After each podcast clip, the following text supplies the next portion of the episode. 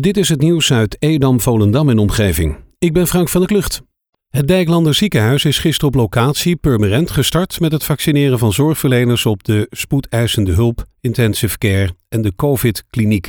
De bereidbaarheid onder het personeel om zich te laten vaccineren schoot. Er zijn 440 vaccins beschikbaar en op de eerste dag hebben al 320 Dijklanders een afspraak gemaakt.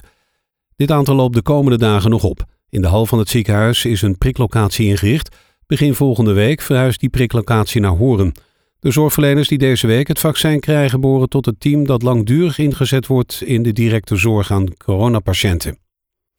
Het aantal dagelijkse coronabesmettingen in de Zaanstreek Waterland is tussen dinsdag en woensdag flink opgelopen. In een etmaaltijd kwamen er 197 testen positief terug. Bijna twee keer zoveel als de dag ervoor. Dat meldt het Noord-Hollands Dagblad vandaag. De meeste besmettingen kwamen bij een Zaanstad en Purmerend. Maar ook Volendam waren 32 nieuwe positieve testen. In totaal staat het aantal positieve testen in Zaanstreek Waterland nu op 16.730. In Nederland gebruiken veel overheidsorganisaties jouw gegevens. Het gaat om gegevens van burgers, bedrijven en bijvoorbeeld gebouwen. Het is dus belangrijk dat al die gegevens kloppen.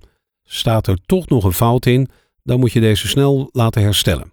Het nieuwe meldpunt fouten in overheidsregistraties kan hierbij helpen. Wie een fout wil laten corrigeren, meldt dat bij de organisatie waar het om gaat. Soms lukt dat niet, bijvoorbeeld omdat niet duidelijk is bij welke organisatie iemand moet zijn. In november kregen al ongeveer 5000 huishoudens met een eigen eensgezinswoning een brief van de gemeente Waterland met een voucher van 70 euro om een woning te verduurzamen. Inmiddels is er al voor 45.000 euro besteed aan duurzame producten voor de woning. Maar er is nog ongeveer 25.000 euro over, dus je kan nog een voucher indienen. Tot 31 maart kan je met je voucher duurzame producten kopen. Uit onderzoek is gebleken dat de houten brug in de Minnenbuurt op Marken aan vervanging toe is. In 2018 is de brug al afgewaardeerd naar alleen een fiets- en voetgangersoversteek. In opdracht van Rijkswaterstaat gaat Spie van Doorn deze brug vervangen voor een identieke houten brug. De vervanging van de brug is mede tot stand gekomen door een succesvolle actie van de Jeugdraad. De werkzaamheden starten maandag 18 januari en duren tot en met vrijdag 12 februari. De coronatestbus in de Zaanse wijk Poelenburg is nog geen succes. Dat komt mede omdat de bus slecht zichtbaar is en bewoners denken dat ze moeten betalen. De GGD heeft deze week twee mobiele testlocaties in een bus neergezet in de twee brandhaarden in deze regio, Volendam en Poelenburg. In Poelenburg laten maar weinig bewoners zich testen. Wanneer ze dat doen, is het percentage positieve testen hoger dan elders.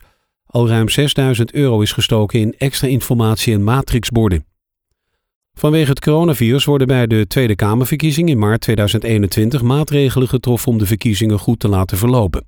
Zo staan twee stemlokalen in Waterland ook al op 15 en 16 maart open om mensen met een verhoogd risico de kans te geven rustig te kunnen stemmen. Alle stembureaus voldoen aan de coronaregels.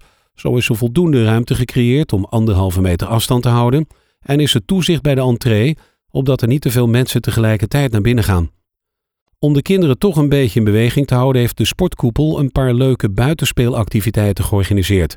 Op diverse locaties in Edam-Volendam kunnen kinderen samenkomen om vrij te spelen.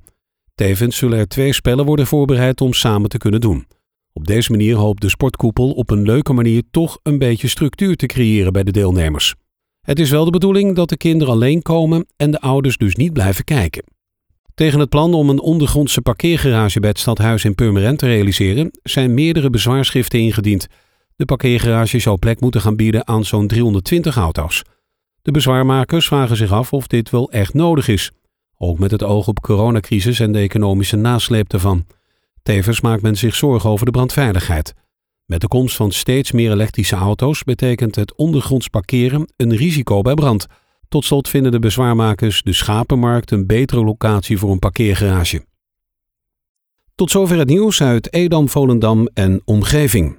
Meer lokaal nieuws vindt u op de Love Kabelkrant, onze website of in de app.